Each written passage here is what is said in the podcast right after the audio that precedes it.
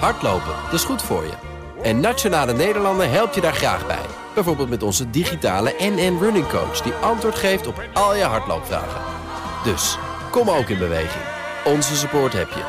Kijk op nn.nl slash hardlopen.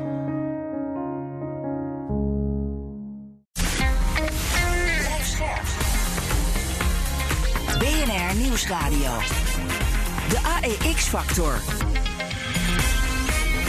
Wesley Weert. Jelle Maasbach. Welkom bij de AX Factor, de podcast voor de slimme belegger. Elke week een nieuwe gast die je bijpraat over de beurzen, beleggen en vermogen opbouwen. En deze week een bijzondere gast, want Nico Inberg van de Aandeelhouder is er. Nico, goed dat je er bent. Dankjewel. Ja, dat je van achterblijver in koploper kunt veranderen, dat bewijst KPN. En daar gaat deze uitzending over. Kwartaal op kwartaal krompt de omzet, maar ineens is KPN na Shell het best presterende aandeel in de AX. Uh, we gaan zo meteen kijken waarom ze het nu zo goed doen. Maar laten we eerst even terugblikken, Nico. Waarom deed KPN het lange tijd zo slecht? Nou, dat, dat is niet alleen. Uh, dat gold niet alleen voor KPN, voor, eigenlijk voor alle telecommaatschappijen. De, de beurs was eigenlijk voor de coronacrisis heel erg gefocust op groei, groei, groei, groei. En je ziet alle, alle tech-aandelen die hard groeien, die waren heel populair. In de ja. coronatijd trouwens nog erger, maar goed. Uh, en de telecommaatschappijen, die, die hadden te maken met... Uh, ja, die konden niet groeien. Dat ging elk jaar ietsje lager. Uh, de kosten konden ze wel omlaag omlaag krijgen omdat de rente zo laag is. Dus ze konden iedere keer de financieringskosten wat omlaag brengen. Maar uh, in de topline, zoals ze deed, qua omzet, um, hadden ze heel veel moeite om te groeien. Dat gold ook voor KPN, dat ging steeds iets lager. En nu is het hele uh, idee op de beurs van groei is natuurlijk omgeslagen in in winst maken. Dus we hebben gezien dat alle tech-aandelen hard zijn gedaald. Uh, sommige met 70, 80 procent. En de telecombedrijven, ja, daarvoor geldt eigenlijk het omgekeerde. Want die maken best aardige winsten. Hebben een mooi dividend over het algemeen, 4, 5 procent dividendrendement. En ze beginnen ook weer een beetje te groeien, want inflatie voor hun is groei. Ja, ze verhogen gewoon de prijzen. Toch doet KPN het wel, ook in vergelijking met andere telecombedrijven, uh, beter. Dus waarom kijken beleggers dan ook zo specifiek verlekkerd naar het KPN-aandeel? Ja, het verschilt een beetje. Er zijn inderdaad een aantal telecombedrijven die het ietsje minder doen, maar die waren afgelopen jaren al, al uh, iets minder gedaald ook. KPN is altijd nog wel een beetje, hebben mensen in hun achterhoofd een soort overnamekandidaat, omdat er, er, uh, er komt in de sector vroeger of later een soort consolidatieslag. Mm -hmm. uh, nou ja, daar, daarvoor is KPN niet de bovenliggende partij, daarvoor zijn ze te klein. Dus dan moet je denken aan een Vodafone, Deutsche Telekom, uh, Orange. In Frankrijk, die gaan straks de dienst uitmaken in Europa. En dan wordt uh, linksom of rechtsom KPN ergens bij aangesloten. Is dan ook een aandeel waar jij uh, naar kijkt? Nou, ik kijk er heel erg naar. Ik heb, nou, het, het heeft mij niet zozeer uh, KPN, maar wel die sector. Ik heb mij met name heel erg verdiept in Orange, Frankrijk. Daar ben ik heel, heel veel mee bezig geweest. En dat aandeel dat wilde me niet omhoog. Uh, betaalde 7% dividendrendement. En het is nu eindelijk, hè, na de coronadip, zeg maar, is het echt hard omhoog gaan. Nu staat er rond de 11,5 geloof. Dus nu komt het er eindelijk uit. Maar dat heeft puur te maken met, met de focus die mensen hebben op de beurs. Ja, straks meer. Dan bespreken we of ook andere telecombedrijven goede zaken doen. Nou, Orange, daar kunnen we het over hebben. En is een belegging in telecom een veilige haven in onzekere tijden? Maar we beginnen met een greep uit het belangrijkste beursnieuws van de afgelopen week. Het was weer een dramatische week voor Just Eat Takeaway. De maaltijdbezorger raakte deze week bijna 20% van zijn beurswaarde kwijt. The dive comes amid doubts that Europe's largest meal delivery company will be able to sell its US arm. Takeaway bought Grubhub for $5.8 billion back in June last year. Analysts at Berenberg said it looked unlikely to recoup anything like what it paid. Wat een stem. Disney-topman Bob Chapek mag blijven. Zijn contract is met drie jaar verlengd. Maar lukt het Disney om in de komende jaren Netflix van de troon te stoten? I think right now the streaming landscape is a little bit muddied, a lot of competition. I don't think consumers really know what they want, so I think that's spreading out the spend. But ultimately I think Disney is one of the winners and that helps the stock going forward. Volgens Philips vallen de gevaren van zijn slaapapneuapparaten mee, maar beleggers die zijn niet overtuigd. Het aandeel verloor opnieuw terrein. De toonzetting van Philips was heel optimistisch. Van Houten sprak van zeer bemoedigende resultaten. Nou, dan verwacht je ook een, een stijgende koers. En dat gebeurde niet. In eerste instantie zelfs helemaal niet. Ging de koers met meer dan 4% onderuit. En KLM, het bedrijf met de meeste financiële steun tijdens de coronacrisis, heeft de leningen terugbetaald. Er stond nog ongeveer 280 miljoen euro open. KLM heeft in totaal iets minder dan een miljard nodig gehad om door de coronatijd heen te komen. Het kabinet stond voor veel meer garant, maar niet alles was nodig. KLM heeft in rap tempo alle coronaschuld afgelost. De laatste tranches overgemaakt aan de Nederlandse staat. In totaal kreeg KLM 3,4 miljard euro aan steun toegezegd, maar gebruikt het, je hoort het net al, net geen miljard euro. Nico, kwam het toch als een verrassing, die snelheid, dat ze ja, zo snel die lening eh, gingen terugbetalen? Ja, nou, ze hebben natuurlijk heel veel eh, tickets verkocht de afgelopen tijd. Iedereen wil erop uit. Iedereen wil een weekendje weg. Hè? Eh, dat heb je natuurlijk ook. Ehm, maar eh, ja, voor zo'n bedrijf is het, is het zaak om de, een staatslening zo gauw mogelijk af te betalen. Want met die staatslening zijn er bepaalde restricties, bepaalde, bepaalde voorwaarden van de, de regering. En daar wil zo'n bedrijf zo snel mogelijk vanaf. Want uh, ja, het is gewoon iemand die, die meekijkt over je schouder, die zich overal mee bemoeit. En die ook bijvoorbeeld met je bonusbeleid. Dus als, als directeur van een onderneming die, die staatssteun heeft gehad, ja. die, die wil maar één ding, die wil het aflossen en dan kan hij weer verder. Ja, ze hadden tot 2025 de ja. tijd. Um, maar vanwege die politieke bemoeienis hoefden ze in ieder geval niet zo snel af te lossen. Want wat ze doen, ze houden de kredietfaciliteit. Waardoor die staatsagent nog aan boord blijft. Waardoor ja. ze toch nog onder het juk van Den Haag blijven. Dat hadden ze misschien ook niet zo snel hoeven af te lossen. Nou of, ja, de, Volgens mij zijn de meningen daar een beetje over verdeeld. Ik las dat um, de minister Kaag dat die zei van nou, we blijven meekijken en we hebben, nog wel, uh, we hebben ze nog wel in de smiezen. Terwijl de KLM zelf denkt dat ze van de overheidsmoeienis af zijn op een of andere manier. Maar goed, ik weet niet precies hoe dat allemaal uh, uh, precies tot in detail in zijn werk gaat. Dus die, er is een speciaal iemand van de overheid Kremers heet die, die moet dat in de gaten ja. houden. En die, ja, die wil natuurlijk ook zijn baan niet kwijt. Dus die zal dat wel een beetje blijven, uh, blijven monitoren. Ja. Maar voor KLM geldt in ieder geval dat ze zo snel mogelijk van die, van die hulp af willen. Om weer hun eigen ding te kunnen gaan doen. Ja, want het werd een beetje gespind als ze zijn van de overheid af. Maar ja. ik las op de aandeelhouder. Een goede website, hè? Dat is een hele goede website. Las ik uh, dat ze nog gebruik maakten van die kredietfaciliteit. Het is wel mooi om dat we dat nog in het achterhoofd houden. Maar Heb goed. jij betaald voor dit spotje nee, nee, nee, nee, dat doen we ook niet. Uh, kopje koffie en ik even een biertje. En Nico is veel onzekerheid natuurlijk door de oorlog in Oekraïne, dreigende recessie, inflatie. Nou, allemaal ingrediënten die je altijd meekrijgt hier uh, in de AX-factor. Hadden ze niet beter wat geld opzij kunnen zetten. Kijk, als, als die faciliteit er nog is, hè, dan kunnen ze daar altijd gebruik van maken in geval van nood. Uh, maar ik denk, ik denk serieus dat er best wel wat geld binnenkomt bij die, die luchtvaartmaatschappijen. Want uh, ja, ten eerste gaan mensen allemaal weer vliegen. En ten tweede, luchtvracht is uh, heel erg duur. Daar wordt heel veel geld mee verdiend. En daar konden ze in de, de coronatijd eigenlijk niet zoveel mee doen, omdat ze gewoonweg niet vlogen. Ik uh, bedoel, KLM die vliegt met passagiersvliegtuigen. En in het ruim hebben ze dan ook ruimte voor, voor pakketjes, zeg maar, die, die vanuit Azië hier naartoe komen. Vanuit uh, andere delen van de wereld. En nu, nu alles weer vliegt, hebben ze die ruimte ook weer. En kunnen ze daar ook geld mee verdienen. Maar niet alles vliegt, hè? Ik ben vorige week uh, op en neer naar Zweden gegaan. En toen. met de auto? Met het vliegtuig, met KLM. Oh. en toen hadden wij al vanuit Zweden hadden we al uh, vertraging, drie uur ja? vertraging. Dus iedereen aan boord die miste zijn transfer. Dus er moest ja, ja. KLM moest hotels betalen voor de passagiers. En op de heenreis hadden we natuurlijk de chaos op Schiphol. Waardoor heel, heel veel mensen hun vlucht überhaupt niet haalden. Dus zij gaan toch ook wel last hebben van, van die hele chaos die momenteel heerst op die nou luchthavens? dat, denk, dat denk ik ook wel. Dat, dat kost wel heel veel geld. Ik weet niet hoe ze dat gaan managen en wie dat uiteindelijk betaalt. Ze zullen ook een rekening neerleggen bij Schiphol. Uh, ik ben er zelf ook geweest. Uh, uh, twee weken geleden was ik in Lissabon. En dan zie je hoe het in de praktijk werkt. Viel mij uiteindelijk nog mee. Ik stond een uur in de, in de rij zo'n beetje. Om uiteindelijk door de, de controle te komen. Maar het is nu. En ik, ik ja, las toevallig, stond vandaag in de Telegraaf. dat, dat uh, die luchtvaartmaatschappijen allemaal hun vluchten voor de zomer gaan omboeken. Die gaan naar andere luchthavens. Naar bijvoorbeeld Rotterdam, Eindhoven, Maastricht. En uh, alleen de KLM die kan dat niet doen. Want die moet vanuit Amsterdam vliegen. Omdat die heel veel mensen hebben die vanuit Amerika komen. En die hier een overstap doen. En dat, dat, is, wel, uh, dat is natuurlijk wel een, een, iets wat hun heel veel geld gaat kosten. Nou, tot slot, uh, grote vraag is natuurlijk wanneer gaat KLM op eigen benen staan? Ze hebben die kredietfaciliteiten nog lopen.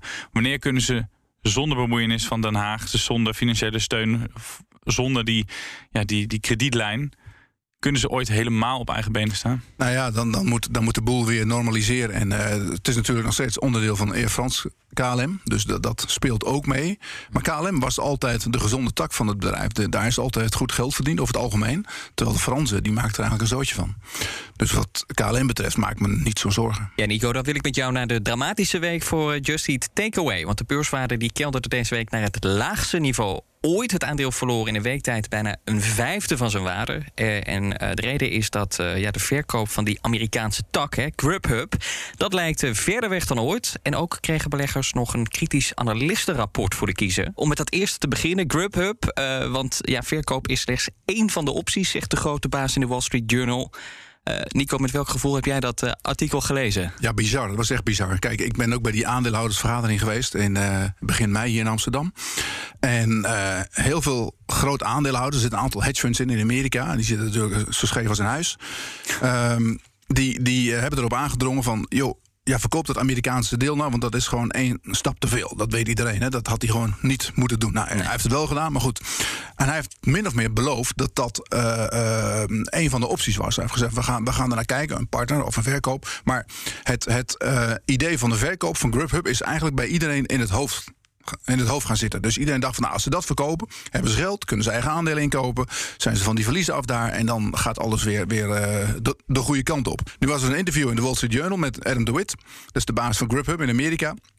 En die zei van letterlijk van eh, ja, eh, de voorkeur van Jitsen is eigenlijk om een partner te zoeken. En eh, eventueel verkoop. Maar goed, dus, dus uit dat hele verhaal, als je dat alles nu op een rijtje zet, dan kan je eigenlijk concluderen dat Jitsen, een eigenwijs mannetje is het, een soort Bokito, die heeft waarschijnlijk gedacht van ja, ze kunnen me allemaal maar reet roesten, maar ik ga dat niet verkopen. Nee, Want- maar is het, is het een heel andere boodschap? Want je gaf net zelf ook al aan. Ze hebben gezegd, we zoeken naar een strategische partner. Ja. En verkoop is ook een optie. Ja. Dus in die zin hebben beleggers ook niet gewoon gehoord wat ze wilden horen. Namelijk, eh, kom op met die verkoop. Nee, dat, dat klopt. Dat, dat is ook zo. Er is, is een soort miscommunicatie Ja. geweest. We, we hebben eh, gisteren ook gebeld met het bedrijf. En die zei ook gewoon van... ja, er staat in onze laatste uiting... hebben we gezegd dat dat ook een optie is. Dus eigenlijk is er wat ons betreft niks aan de hand. Dus ze wilden ook niet een persbericht uitbrengen... om dat recht te zetten op een of andere manier. Alleen die communicatie is natuurlijk... Ja, en ik, ik vermoed zelf dat een aantal partijen die er al in zitten... en die, die Amerikaanse hedge funds... die krijgen wel om de anderhalve dag een margin call... nu die, die technologieaandelen zo omlaag gaan... dat die hebben gedacht van nou, nu zijn we er klaar mee. Ik gooi er gewoon uit, want ik zie niet, niet, niet op de korte termijn... daar verbetering in komen. En eh, ja, dan gaat die koers... was natuurlijk al kwetsbaar. Hè? En dan, dan gaat er op een dag wel, gewoon ja. 20% af. Ja, het slaat nergens op, want het is nu. We hebben een tijdje geleden, half jaar, ik denk een half jaar geleden... hadden we het over dat onderdeel iFood wat erin zit. Ze hebben 35% van iFood. Nou, dat zou Prozus willen overnemen. Eh, en die zou een bod hebben gedaan van 2,3 miljard. En Jitsen vroeg ongeveer 3 miljard, vermoeden we. Nou, nu is de hele beurswaarde van, van Takeaways 3 miljard. Dus waar hebben we het over? Nou, was het ook nog, er was ook nog wat anders. Dat, dat analistenrapport van het Duitse Berenberg. eh, eh, dat schreef dat Grubhub, als ze dan toch verkopen. Ook nog waarschijnlijk een stuk minder opbrengt. En die verwachtingen die waren al vrij laag gespannen. Betekent dat dat het dus nog minder eh, in het laadje komt bij een verkoop dan we, dan we al dachten? Ja, die Berenberg Boys, die vertrouw ik van gemeten. Ik weet niet wat hun achterliggende agenda is. Ze kwamen ook met het, het eh, nieuws dat ze dan liever het, de- eh, dat Duitse Delivery Hero hadden. In plaats van, van, van Just Eat Takeaway. Ja, ik weet niet wat er op de achtergrond speelt. De, de, de, je moet je voorstellen dat in die markt zijn een heel aantal partijen die liggen dood op de grond. Hè, die, die, die zijn echt heel goedkoop geworden. Onder andere Takeaway. Eh het hele bedrijf is nu 3 miljard waard. En als je kijkt naar de andere partijen in die markt, bijvoorbeeld DoorDash. Prozus, hè, die, die maken nu geld. Die mogen aandelen Tencent verkopen. Dus ik denk dat daar wel iets speelt op de achtergrond. Dat men een, of een soort consolidatieslag... of dat het bedrijf uit elkaar wordt getrokken straks. Dat ze de onderdelen gaan verkopen. Daar gaat iets mee gebeuren. Ik Ja, weet maar niet wat. welk belang heeft Berenberg daar dan Ja, bij? Die, die- willen die- de koers nog verder omlaag eh, Misschien. Die, die, die, eh, kijk, als de koers lager gaat, dan is een, een, hoeft een bod niet zo hoog te zijn. Dus misschien ze- ja, zitten zij in het kamp van een overnemende partij of wat dan ook. Ik, het is heel moeilijk om daar achter te komen wat precies hun, hun agenda is. Maar het, het is een beetje raar om, om als die koers al helemaal op zijn gat ligt... om nog eens een keer met een verkoopadvies te komen. Terwijl ze, Hebben ze wel een punt? Eh, eh, Snijdt het hout wat ze zeggen? nee, ik denk het ook niet. Want als je kijkt naar de onderliggende delen die erin zitten... in, in eh, Canada, Australië, eh, ja, Nederland, Duitsland... Dan is, dan is een koersdoel van, nou ja, eh, überhaupt hun koersdoel is 16 geloof ik. Dan is het veel te laag. Ja, Maar goed, dat is, dat is hun mening. Hè. Iedereen mag zijn mening geven. Een, een ander ding, eh, de tot slot, wat ook nog in het rapport stond, dat ging niet alleen maar over die Amerikaanse tak, maar het ging ook nog over een aantal andere onderdelen, onder meer in Oostenrijk, Frankrijk, Spanje. Daar is Just Eat Takeaway Ja. ook actief. Daarvan zeggen ze, ja, daar moet eigenlijk ook het mes in. Daar moet die, die Ja, dat daar is ook niet goed. Ben je daar wel mee ja, eens? Ik was zelf in Lissabon. Dan zag ik er eentje, eentje rijden. Je ziet daar heel veel eh, Glovo.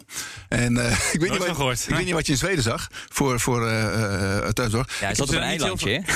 Ja, ik heb al een paar dagen in Stockholm eerst gezeten, maar ik zag ze daar niet echt, eh, zag ze daar niet in gaan eigenlijk. Nee, nee. En, en eh, in, eh, in Lissabon is het met name Uber Eats wat je ziet. En Glovo, en Glovo is geloof ik overgenomen door Doris. Maar dat weet ik niet heel zeker. Die zit ook in, door een van de bedrijven overgenomen. Maar je, ik zag er maar één iemand van, van Takeaway in, eh, in een week tijd. Dus in dat soort landen, bijvoorbeeld Frankrijk ook... daar, daar zijn ze nummer drie of nummer vier. Ja, daar kunnen ze beter oppoepelen, want dat heeft eh, helemaal geen zin. Vind jij dit een leuke podcast, eh, Nico? Een van de beste. Ja, maar heel goed. Nou, vind jij dit als luisteraar ook een leuke podcast? Abonneer je dan op de AX-factor. Dan ben jij altijd op de hoogte van het laatste beursnieuws. En zijn wij beter vindbaar in de podcast-apps.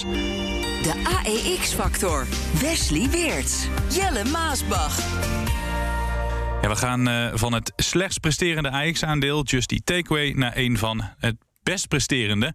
De beurskoers steeg dit jaar al met ruim 20% Ik heb het over KPN. Alleen Shell doet het beter.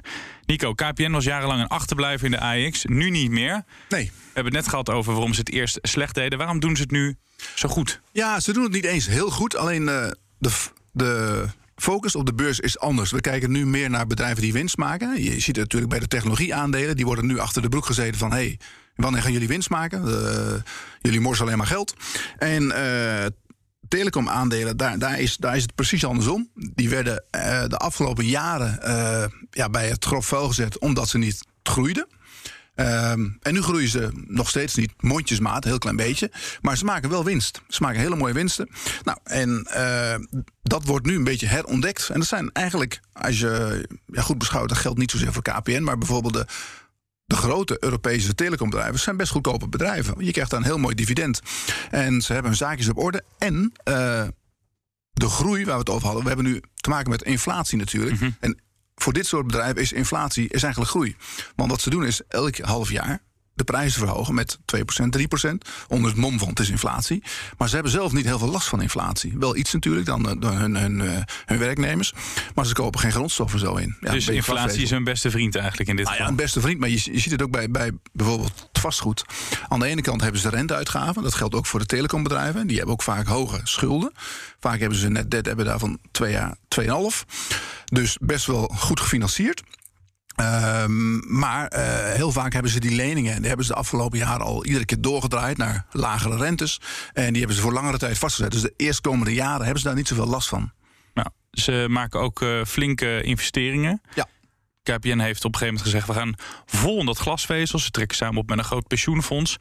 Ehm, waar halen ze de winst vandaan op dit moment? Want ik heb jarenlang hier eh, samen met Bas... we mochten we op een gegeven moment de topman van, eh, van KPN interviewen. En er was elke keer was het verhaal... ja, de, de omzet neemt weer af. Maar we wisten de winst toch wat op te krikken. En dan Ja. zag je weer een post van dat ze ergens bezuinigd hadden. Ja, lagere kosten vaak op. eh, ja, heel vaak lagere rentekosten. Het is meer dat ze het eh, hebben gehaald met bezuinigingen de afgelopen jaren. Maar gaan ze bijvoorbeeld de winst halen uit, uit het glasvezel, denk jij? Ja, dat denk ik wel. Kijk, het, eh, in eerste instantie moet je daar natuurlijk in investeren. Maar überhaupt moesten ze dat doen omdat die, eh, die netwerken die er nu liggen, die zijn verouderd. Daar moet men wat aan doen.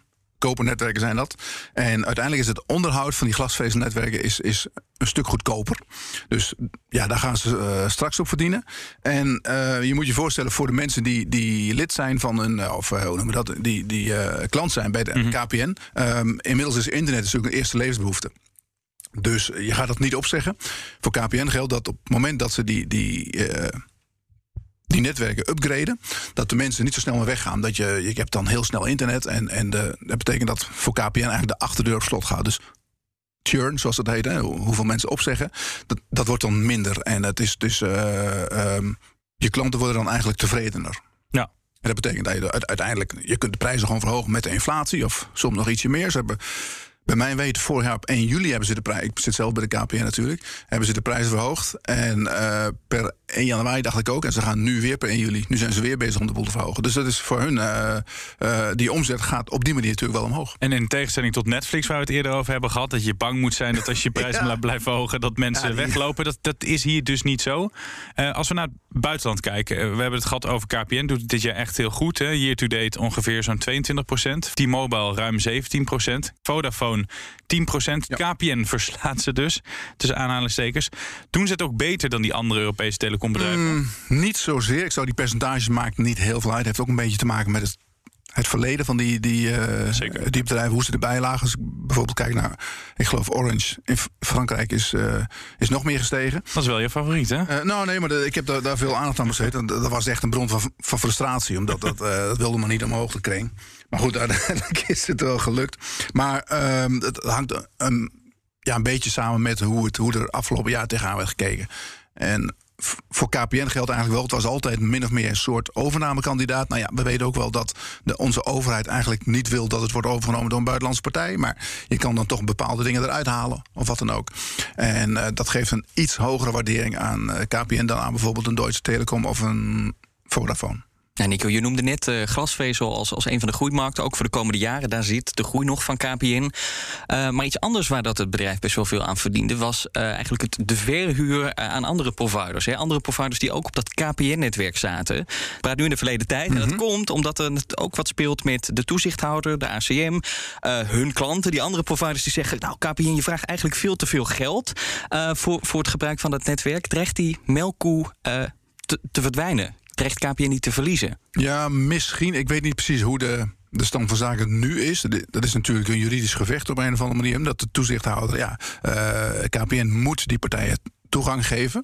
En die wil daar gewoon een eerlijke prijs voor vragen. En ik denk, eh, ja, nu zegt, eh, zegt KPN waarschijnlijk... ja, mooi luisteren jongens, we hebben te maken met 8% inflatie. Dus die prijzen moeten omhoog. Nou, en zullen ze wel ergens in de midden uitkomen. Dus ik denk niet dat ze daar heel snel heel veel last mee krijgen. En eh, dat dan die, die partijen... ehm, ja, ze kunnen ook nergens anders zijn. Dus ze, ze moeten wel naar, eh, naar KPN. Dus dat is een soort eeuwigdurend gevecht... waar uiteindelijk altijd wel ergens in de midden uitkomt. KPN heeft nu gezegd, we, we, we, we hebben prijsverlaging doorgevoerd... door- in de hoop dat die providers dan eh, eh, een beetje dempen en, en minder boos zijn. Denk je dat die toezichthouder met die prijsverlaging is, is afgeschud? Nou, voorlopig wel. Dat is natuurlijk een verhaal wat, wat, eh, wat elk jaar terugkomt. Omdat die, dat is gewoon een, een kwestie van vraag en aanbod. En uiteindelijk willen die andere providers minder betalen. Maar eh, ze kunnen eigenlijk, ze staan met de rug tegen de muur. Dus ze moeten wel naar KPN toe. En dat komt uiteindelijk altijd wel tot een vergelijk. Ja, hoe, hoeveel, eh, want dit is dan inkomstenbron glasvezel. Hoeveel rek zit er nog in? Want we zagen allemaal omzetstijgingen de afgelopen tijd. Kan dat nog verder doorgaan? Nou, dat kan nog wel verder. Kijk, eh, ja, dan moeten ze marktaandeel winnen in Nederland. Alleen het is wel puur een Nederlands bedrijf. Dus er is niet heel veel meer mogelijk. Want ja, we groeien niet zo hard. Eh, we krijgen wel, wel eh, ietsje mensen binnen, maar niet heel veel. Ehm, dus ze moeten of een marktaandeel afpakken van anderen... of ze moeten iets andere dingen gaan doen. Maar ja, dat, het is natuurlijk, ze zitten alleen in Nederland. Dus de, de, de groei is, is op die manier is niet al te groot. Het enige wat ze kunnen doen is de prijs verhogen. Eh, en Kun je ook niet oneindig blijven nee, doen. Nou ja, goed, als er maar inflatie is, dan kun je kun je altijd verschuilen achter die inflatie. En als je zegt van nou, 8% inflatie, we, we doen onze prijzen met, met 5% omhoog, hè, dan, dan hebben wij maar te tekenen bij het kruisje. Ja. En daar kunnen we niet zoveel aan doen. Alleen, eh, ja, voor de rest is er niet zoveel groei mogelijk. Nee, eh, eh, de 5G, want dat is natuurlijk ook nog iets waar misschien nu meer aan verdiend kan worden. Dat is een andere business waar KPN actief in is. Valt daar wat geld mee te Nou verdienen? ja, eh, wat, wat, eh, ja, er moet natuurlijk heel veel geïnvesteerd worden in 5G. En wat je wel ziet is dat die torens, dus die zendmasten... die eh, aan de afgelopen jaren hebben heel veel telecommers... hebben die torens eh, hebben ze verkocht, of voor de helft verkocht. En daar schijnt heel veel vraag naar te zijn nu... omdat eh, voor 5G moeten aan die masten moeten allemaal... er komen overal kastjes, hè, omdat eh, ik geloof elke 100 meter of 200 meter... moet zo'n kastje komen te Ja, hangen. het signaal reikt minder Ergens- ver dan bij 4G. Precies, ergens in de stad. En eh, er schijnt nu heel veel eh, vraag te zijn naar ruimte op die, eh, op die masten. En eh, een aantal telecommers eh, heeft die masten al verkocht of apart gezet. En als je die nog hebt, ja, dan, dan, eh, dan kan je daar misschien goed geld mee verdienen. En KPN, die heeft ze nog tussen spek lopen. Ja, die heeft ze nog wel, maar die zijn wel, ik weet niet hoe ver het nu is, maar die, die kijken ook naar het verkopen van die dingen. Alleen de, de, de, de situatie is nu, omdat de rente is opgelopen, is de vraag naar die, die masten. Want dat, dat was een stukje infrastructuur. Er waren heel veel partijen met, met geld die wilden die dingen graag kopen om gewoon 3% rendement te maken. Alleen dat is nu natuurlijk wel iets anders met deze hogere rente. Er is altijd het gevaar dat een of andere wappie... eh, wappie? Wappie zo'n ding in de fik eh, steekt. dat was op een 5G. gegeven moment- Die 5G-mast. die wilden ze nou toen allemaal in de... eh, Ik weet niet, maar ik hoor wel heel vaak dat het met, met 5G te maken heeft. Dus dat zal toch wel een keer verwaardigd in zitten. De AEX-factor. Wesley Weerts. Jelle Maasbach. Voordat we verder gaan eh, met eh, de podcastaflevering, iets heel anders. Ben jij benieuwd hoe een succesvolle ondernemer zijn droompand op Texel wist te bemachtigen? Luister dan vooral het tweede seizoen van de podcast Het Geld en de Stenen van Mogelijk. Podcast die staat voor je klaar op bnr.nl of in je favoriete podcast-app. We hadden het net over eh, Netflix. Dat is een bedrijf wat eigenlijk gebukt gaat onder enorme schuldenlast. Hè? Ehm, Telecombedrijven hebben over het algemeen ook altijd wel een flinke schuld. Hoe zit dat bij, uh, bij KPN? KPN heeft ook een behoorlijke schuld. Wij kijken altijd naar de, de schuld in, in verhouding tot het verdienmodel. De, de, uh, de net debt ten opzichte van de, de EBITDA. EBITDA zeggen sommigen. Uh, dus zeg maar de, uh, de winst. Mm -hmm. En dan zit KPN zo'n beetje rond de 2,5, iets onder de 2,5 nu. Dus op zich netjes voor een telecombedrijf, want die heeft een hele stabiele inkomsten. En die kunnen dat wel aan. En, en nu is natuurlijk de grote vraag, omdat die rente hard oploopt: van hé, hey, ja. hoe gaat het met die jongens? Komen ze in moeilijkheden? Maar de meeste telecoms geldt ook voor KPN. Die hebben de rente gewoon langjarig vastgezet voor, voor uh, tussen de vijf en zeven jaar. Nou, dan kijken we maar heel erg naar, uh, als die leningen aflopen, naar, naar herfinancieringen. En die komen ook pas in 2027, 28. Dus ja, voorlopig hebben ze daar niet heel veel last van. Er loopt Nee. wel iets op, maar niet veel. Als volgende wat ik me inderdaad afvraag: van als die rente op gaat lopen, komen ze dit soort type bedrijven dan in de problemen? Maar nee, zeg jij dus. Nee, KPN zeker niet. Maar er zijn misschien wel andere partijen in het telecomgebied Die veel meer die hogere schulden hebben. Uh, maar de, de, de meeste zitten zo, zo tussen de 2 en de 3. En dat is op de beurs is dat voor een telecombedrijf is dat gewoon netjes. Je ziet bijvoorbeeld wel, eh, daar hebben we het ook al vaak over gehad, die, die techbedrijven die dan gelijk worden afgestraft, want die hebben flinke schulden, Ja. hoge rente helpt ze niet. Nee. Dat zie je dus niet bij telecombedrijven. Nee, nee omdat, omdat er een, een uh, ja, verdienmodel... Die, kijk, die bedrijven maken gewoon winst. En die hebben inkomsten, die komen elk jaar weer. En men ziet nu zelfs dat door inflatie die inkomsten ietsje, ietsje hoger gaan. Kijk, als je nou een verschil hebt tussen Netflix en, en bijvoorbeeld KPN... is dat KPN is een, een eerste levensbehoefte. We moeten internet hebben en we moeten een telefoon hebben. Je gaat niet, niet zonder je telefoon naar Zweden. Nee. No way. Eh, nou, ik ook niet naar Lissabon. Maar uh, Netflix, die krijgt opeens de laatste jaren heeft hij heel veel concurrentie gekregen. Ja. En als uh, mensen geconfronteerd worden met, met, met, met hogere kosten van, van, uh, van levensonderhoud, ja, dan ga je misschien wel kijken naar die abonnementen. Hè. Dan denk je van, nou, er is nu ook Viacom, er is Disney, er is Amazon, noem maar op allemaal. Er zijn heel veel aanbieders bijgekomen. En dan kan ik me voorstellen, mensen denken, nou, ik gooi dat, ook omdat ze met die prijsverhoging kwamen, dat mensen denken van, nou, ik gooi dat er maar uit. Ze zeggen ook altijd uh, in tijden van recessie, mensen moeten toch eten. Dus bijvoorbeeld een aal ja. dat moet Ja. je altijd houden. Is dan, uh, misschien een beetje makkelijk gezegd, maar is telecom dan ook een veilige haven? Want Nou, dat is het zeker. Dat is exact de reden dat het nu zo hoog staat. Omdat de, de, de focus van beleggers is helemaal veranderd afgelopen half jaar door die hogere rente. De rente is echt een beul geweest op de beurs. We hebben vandaag een groot artikel op de aandeelhouder over, maar dat is wat anders. Maar de, de, de rente heeft ervoor gezorgd dat men heel anders is gaan kijken naar die beurs. Naar aandelen. En uh, met name de telecomsector. Kijk, je, je hebt ook energieaandelen hebben het goed gedaan. Grondstoffenaandelen hebben het heel goed gedaan. Maar dat heeft te maken met de schaarste en met het gedoe in Rusland. Uh, maar uh, het telecombedrijf is puur een renteverhaal. Omdat men nu anders kijkt naar die beurs. En misschien komen we in een recessie. En dan toch in een recessie kunnen telecomaandelen nog steeds hun omzet draaien. En het is toch niet echt gelijk de sector waar je aan denkt? Nee, maar, nee is niet sexy. Uh, is nee. niet sexy. Dat was het ook niet de afgelopen jaren. Maar nu is het toch, uh, omdat men toch een beetje... Kijk, uh, beleggers hebben wel een lesje geleerd afgelopen jaar. Hè? Die hebben gezien dat die, die technologieaandelen... als je bijvoorbeeld keek naar onze vriendin Cathy Wood in Amerika... die had over exponentiële groei. Nou, dat is natuurlijk een verhaal van van ik mijn vestje. Ja. En nu staat iedereen weer met zijn beide beentjes op de grond. En dan zie je dat dit soort aandelen, die, die leveren gewoon rendement op. Leveren rendement op. En ander aspect dat we nog niet hebben behandeld, het dividend. Ja, dividendrendement is heel aardig bij KPN. Moet ik wel zeggen dat ze heel veel uitkeren. Dus je, je kijkt altijd met, met dividend, kijk je hoeveel van de winst wordt er uitgekeerd. Bij KPN is dat eigenlijk heel veel. Hè. Die, uh, die keren afgelopen jaar bijna alles uit. Uh, dus daar moet je wel een, uh, een beetje rekening mee houden. Maar in principe kunnen de telecombedrijven die kunnen zichzelf heel goed bedruipen. Kunnen alle inkomsten die ze hebben, kunnen ze de rente van betalen. Uh, daar kunnen ze investeringen van doen. En ze kunnen de aandeelhouders verwennen met een dividendrendement van tussen de 4 en 6 procent. Maar dat is wel een verschilletje met uh, de, de, de, de groeikampioen in de techsector. Adyen heeft nog nooit volgens mij dividend uitgekeerd. Nee, daar zijn ze ook niet van plan. Ja. Die, denken ook van, uh, ja, je mag best aandeelhouder zijn... maar we willen verder geen last van je.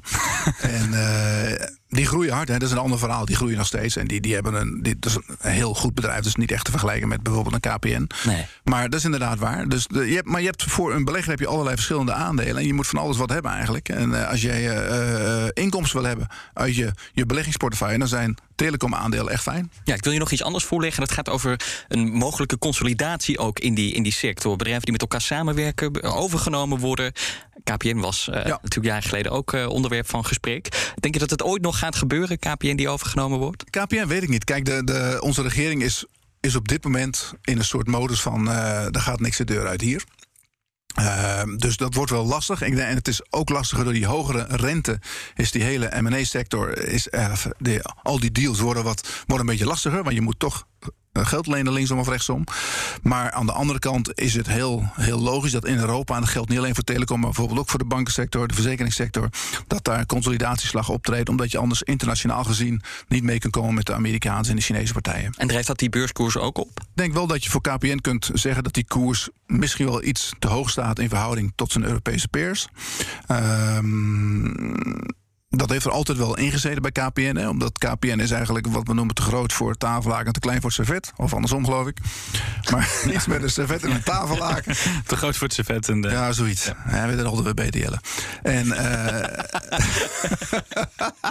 dus ja, daarom, daarom wordt, wordt KPN, als, het, als er wat gebeurt in consolidatieland daar, dan, dan is KPN de, de die partij die wordt overgenomen. Ja. Is, het, is het ook goed als ze worden overgenomen? Want dat huidige management dat ziet het niet zitten. Uh, KPN heeft een beschermingsconstructie, maar jij als belegger zou willen dat KPN wordt overgenomen? Ja, kijk, als, als er. Uh, uh, de fantasie altijd achter consolidatie is dat de kosten omlaag gaan. Schaalgroot is belangrijk. investeringen die gaan er omlaag hè, per, per, per, aandeel, zeg maar. Dus ja, je gaat, dan, je gaat dan meer geld verdienen. En je bent een sterkere partij, dus qua uh, concurrentie heb je een sterkere positie. En dan uiteindelijk gaat dat wel een keer gebeuren. Maar, maar, maar hoe groot zijn die, zijn die schaalvoordelen in de telecomsector? Want heel vaak is het dan een buitenlandse speler die hier niet eens actief is. Dus ik hoef nee, ja, dat klopt. Maar goed, als, als echt om, om, om uh, investeringen gaat in IT, met name, zijn natuurlijk ook hele, hele technologische bedrijven. Hè. We scharen ze niet onder het techbedrijf, maar er zit wel een heel stuk technologie achter natuurlijk. Dus, en dat, dat kunnen ze allemaal op, op in, in één bedrijf dan doen. En dan verdienen ze als bedrijf meer geld, dan kunnen ze gerichter investeren in bepaalde landen. Dus ja, die, die, uh, dat idee zit er wel achter. Alleen, de, we hebben te maken met bijvoorbeeld KPN, die heeft, heeft een netwerk in de grond liggen. En daar wil onze regering wil dat niet weggeven. En je ziet nu, nu trouwens, dat, dat, moet ik ook nog bij zeggen, dat um, nu een beetje banger worden voor Rusland. En uh, dat elk land toch een beetje gaat kijken naar zijn eigen infrastructuur. Uh, ja, defensie wordt weer op poten gezet. Dus ja, dan, dan ga je dat helemaal niet verkopen aan een. Uh, misschien nog een Duitse partij. Maar nee. de Duitsers gaan zich ook weer bewapenen. Dus dat wordt over tien jaar ook weer. Uh, ja, en over infrastructuur ook gesproken. Want we hebben nu over die telecom providers. Maar er zit natuurlijk ook een heel netwerk achter. En ook makers van netwerkapparatuur. Doen die het net zo goed als die, die telecom providers? Um, nu wel weer. Het was even lastiger. Maar als je, je bijvoorbeeld kijkt naar de investeringen in 5G... Hè, daar is heel veel gedoe over geweest met de, de Chinese partijen. Bijvoorbeeld ja. Huawei. Uh, je hebt dan in Europa heb je Ericsson en uh, Nokia. En uh, Nokia heeft een hele tijd op zijn gat gelegen, maar dat gaat nu weer heel erg goed. Ericsson was uh, in de ban van een schandaal. Ja, die leeft nu op zijn die gat. Die hadden wat, uh, wat, wat mensen omgekocht hier links en rechts. Dat scheen niet te mogen trouwens. Nee, steekpenning betaald. Ja. en, um, maar ja, die, die... Samenwerken met terreurorganisatie IS is dan ook misschien weer niet zo'n... nee, dat is ook niet nee, heel niet handig. Niet zo'n handig. Dat is ook niet heel handig. Voor die Zweden nog wel. Dat, ik snap niet dat jij dan op keurige Zweden. maar um, um, er moet natuurlijk heel veel geïnvesteerd worden in 5G. En uh, Kijk, het goede voor deze bedrijven is dat de, de Chinese partijen... die worden buiten de deur gehouden, want die, die vertrouwen voor geen meter meer. Want daar zit allemaal afluisterapparatuur in, heb ik gehoord. Dus Nokia en Ericsson, dat zijn wel de partijen die het moeten gaan doen. Ja, ook uh, die grote techbedrijven, we hebben er een paar uh, genoemd, die roeren zich steeds meer in die telecommarkt. Elon Musk hè, met zijn internet-tak uh, van SpaceX, ja. Starlink, die heeft de Oekraïners in het begin van de oorlog nog geholpen. die biedt internet aan via satellieten, dus dat doet het ook echt goed. Amazon, die, die kijkt ernaar, die vindt het een interessante markt. Waarom vinden zij die markt zo interessant? Ja, omdat je, tenminste dat vermoed ik, omdat je met. met uh, kijk, die telecoms die hebben rechtstreeks toegang tot, tot uh, eigenlijk elk individu. Dus die, die hebben daar een rekening. Dus ik denk dat, en dat is altijd de, de, de, de angst die je hebt bij zo'n sector, dat er, dat er technologisch iets gebeurt, waardoor ze in één keer op een behoorlijke achterstand staan, dat er iets anders gaat gebeuren. Dat heb je ook wel, dat hebben we ook een beetje bij de banken natuurlijk. Hè. Bij de banken is men bang dat bijvoorbeeld een, een, een of een andere partij, of misschien ook uh, ja, Amazon, dat die ook bankdiensten gaan verlenen. Waardoor iedereen opeens weggaat bij ING en ABN en die banken eigenlijk geen functie meer hebben. Ja. En dat is met de telecom natuurlijk ook een beetje zo. Stel nou dat inderdaad Starlink bijvoorbeeld van Elon Musk, dat dat de toekomst wordt. Dat je rechtstreeks internet krijgt van de satelliet. Uh, ja, waarom moet je dan nog een glasvezelnetwerk hebben? Dus dat is wel een beetje de, de, de, uh, de angst denk ik, die je ook hebt bij zo'n zo'n telecommaatschappij. Maar aan de andere kant ehm, ja, lopen zij met hun, met hun glasvezelnetwerk en hoe het nu allemaal gaat. ehm, is dat wel een eerste levensbehoefte. En ja, zie je wel dat, dat de klanten wel blij zijn, tevreden zijn met hoe zij het nu doen. Maar internet eh, via de satelliet is nu dus nog toekomstmuziek. Maar vind je die niche-markt al interessant om naar te kijken? Ik weet het nog niet of dat, hoe dat nu, nu precies gaat. Of daar een verdienmodel, echt een verdienmodel achter zit. Maar dat, dat zou natuurlijk best kunnen. En eh, ja, die Musk, die, eh, we hebben het al vaak over Musk gehad. Maar dat is wel een slimme jongen, geloof ik. Ja. Ik word altijd heel moe als het over de metaverse gaat. Dan denk ik, ja, dat, dat zien we daar wel. Maar dit heeft zich al wel echt bewezen ook. Ja, en, en die, die- ook die, die traditionele bedrijven. Jouw favoriet Orange, zit die ook al in de, in de satellieten of, of nog niet? Nou, satellieten hebben ze natuurlijk allemaal. Anders Ja, maar kunnen ze die verbindingen voor leggen. Maar ik, ik, weet niet. Nou, ik neem aan dat ze er wel heel erg naar kijken. Want dat is wel een van de grootste bedreigingen voor dit soort jongens. Ehm, dus die zullen ongetwijfeld die, die, eh, die technologie goed in de gaten houden. Maar ik weet eerlijk gezegd niet hoe ver bijvoorbeeld een Musk ermee is. of hij dat wereldwijd wil gaan uitrollen. Maar hij zal die plannen ongetwijfeld hebben. Want die man die wil de hele wereld veroveren. Ja, wat mij wel lastig lijkt, hè, we hebben het over die investeringen in glasvezel, daar, eh, daar zijn ze nu mee bezig. Neemt enorme kosten met zich mee. Als je daarop aan het focussen bent en iemand anders is bezig met internet van de satelliet, zijn ze dan niet bang dat ze de, de boot gaan missen? Want ze kunnen het niet in allebei nu gaan investeren. Nee, dat is waar. Het is, eh, ik weet niet hoe ver ze daarmee zijn. Dat, dat, dat, Ze zijn ehm, niet bezig met soortgelijke. Nee, dat denk ik niet. Ik neem aan dat ze wel die technologie goed in de gaten houden. Of dat inderdaad al- allemaal kan. En eh, nou ja, die telecommers hebben ook allemaal satellieten overhangen. Dus, dus wat, wat dat betreft, ehm, als het technologisch heel goed mogelijk is, dan zullen ze dat zelf ook wel doen op een of andere manier. Maar ja, voorlopig is de, de komende vijf tot tien jaar eh, wordt heel erg de nadruk gelegd op die glasvezel. En is dat een beetje de heilige graal nu? Ja, het maakt als En 5G eindgebruiker natuurlijk. eh, misschien ook niet zoveel uit... of je nou satelliet van, eh, of eh, internet van een satelliet of via glasvezel Nee, ja, het is ook maar een beetje wat het eh ja, goedkoopste is. En ik, ik heb wel gekeken naar zo'n abonnement bij dat Starlink. En dat is hartstikke duur, hè? Ja, Dat nog wel. duur. Ja, nog wel, ja. ja. Ja. Maar dat daalt wellicht nog. Ik wil nog één ander ding aansnijden. Volgens mij zijn we er dan wel doorheen. Ik weet niet of je die discussie hebt gevolgd. Gaat ook over big Ik tech. volg alles. Nou, dan kun je hier ongetwijfeld antwoord op geven. Want eh, telecombedrijven die, die, ja, die, die mopperen eigenlijk ook al jaren op die techreuzen. Want zij zeggen van ja, zij kunnen gratis gebruik maken van ons netwerk. Ja. Eh, en zij profiteren ervan. Eh, nou zijn er ook steeds meer stemmen in Europa die pleiten om big tech te laten betalen voor het gebruik van dat internetwerk. Zodat die kosten een beetje Ja. eerlijker verdeeld zijn. V- wat vind je daarvan? Om Nou, maar daar een hebben ze open vraag te stellen. Daar hebben ze wel een goed punt. Daar hebben ze wel een goed punt. Want de eh, telecombedrijven die, die hebben uiteindelijk de toegang tot de consument. en daar moet iedereen langs. eh, op een of andere manier. En eh, ja, maar dat is een beetje wel hun, eh, hun eigen schuld. En dan moeten ze in de onderhandelingen met dit, dit soort partijen. moeten zij misschien meer eh, een, een, eh, een voice vormen. Met elkaar, om daar, om daar eh, ja, meer uit te slepen. Want uiteindelijk moet iedereen daar wel langs. Maar eh, misschien zijn ze ook wel weer bang dat dan de- die partijen op een andere manier bij de consument komen via de kabelmaatschappij of via, eh, nou ja, de, satellieten straks. Ja. Dus ik weet niet precies hoe die onderhandelingen lopen, maar ik vind wel dat ze daar een punt hebben, dat ze daar die, die, die techreus zoals een Google best mogen aanpakken. Maar is het iets wat jij gewoon als persoonlijke interesse volgt? Of is dit ook nog wel van belang als je belegt in dit soort, eh, in dit soort bedrijven? Nou ja, er zijn altijd kansen en risico's natuurlijk. En, en eh, ehm, ja, ik vind die, die hele technologische eh, ontwikkelingen, dat is natuurlijk wel in, in zekere zin kun je dat zien als een risico. Omdat ehm, je bent altijd bang dat er, dat er ergens iemand iets uitvindt, waardoor jij met jouw uitvinding, met, je, met, jou, eh, met jouw technologie buitenspel staat. Maar op hele korte termijn, hè, de komende vijf tot tien jaar, is dat denk ik hier geen gevaar. Nee. En eh, ja, we moeten wel de vinger aan de pols houden, als Ja. vanzelf. En die besluitvorming in Europa is meestal niet zo snel. Dus. Nee, die, die duurt meestal 20 jaar. Dit was eh, de AX-factor voor deze week. Dank aan Nico Inberg van de aandeelhouder. Goed dat je hier was. En ehm, ja, Wesley, hier hoeft het niet te stoppen natuurlijk met luisteren. Nee, zeker. Je stopt het ook niet. Want je kunt gewoon nog onbeperkt doorluisteren. Onze oudere afleveringen, onze eerdere afleveringen. Zoek ons op in de podcast-app en luister bijvoorbeeld onze aflevering over fintech. Want dat is ook een interessante belegging wellicht. Tot volgende week. Als je graag naar economen luistert, dan is het economenpanel van BNR misschien ook wel iets voor jou. Elke maandag om 1 uur of luister het eens terug in je favoriete podcast-app. Hardlopen, dat is goed voor je. En Nationale Nederlanden helpt je daar graag bij. Bijvoorbeeld met onze digitale NN Running Coach... die antwoord geeft op al je hardloopvragen. Dus, kom ook in beweging. Onze support heb je. Kijk op nn.nl slash hardlopen.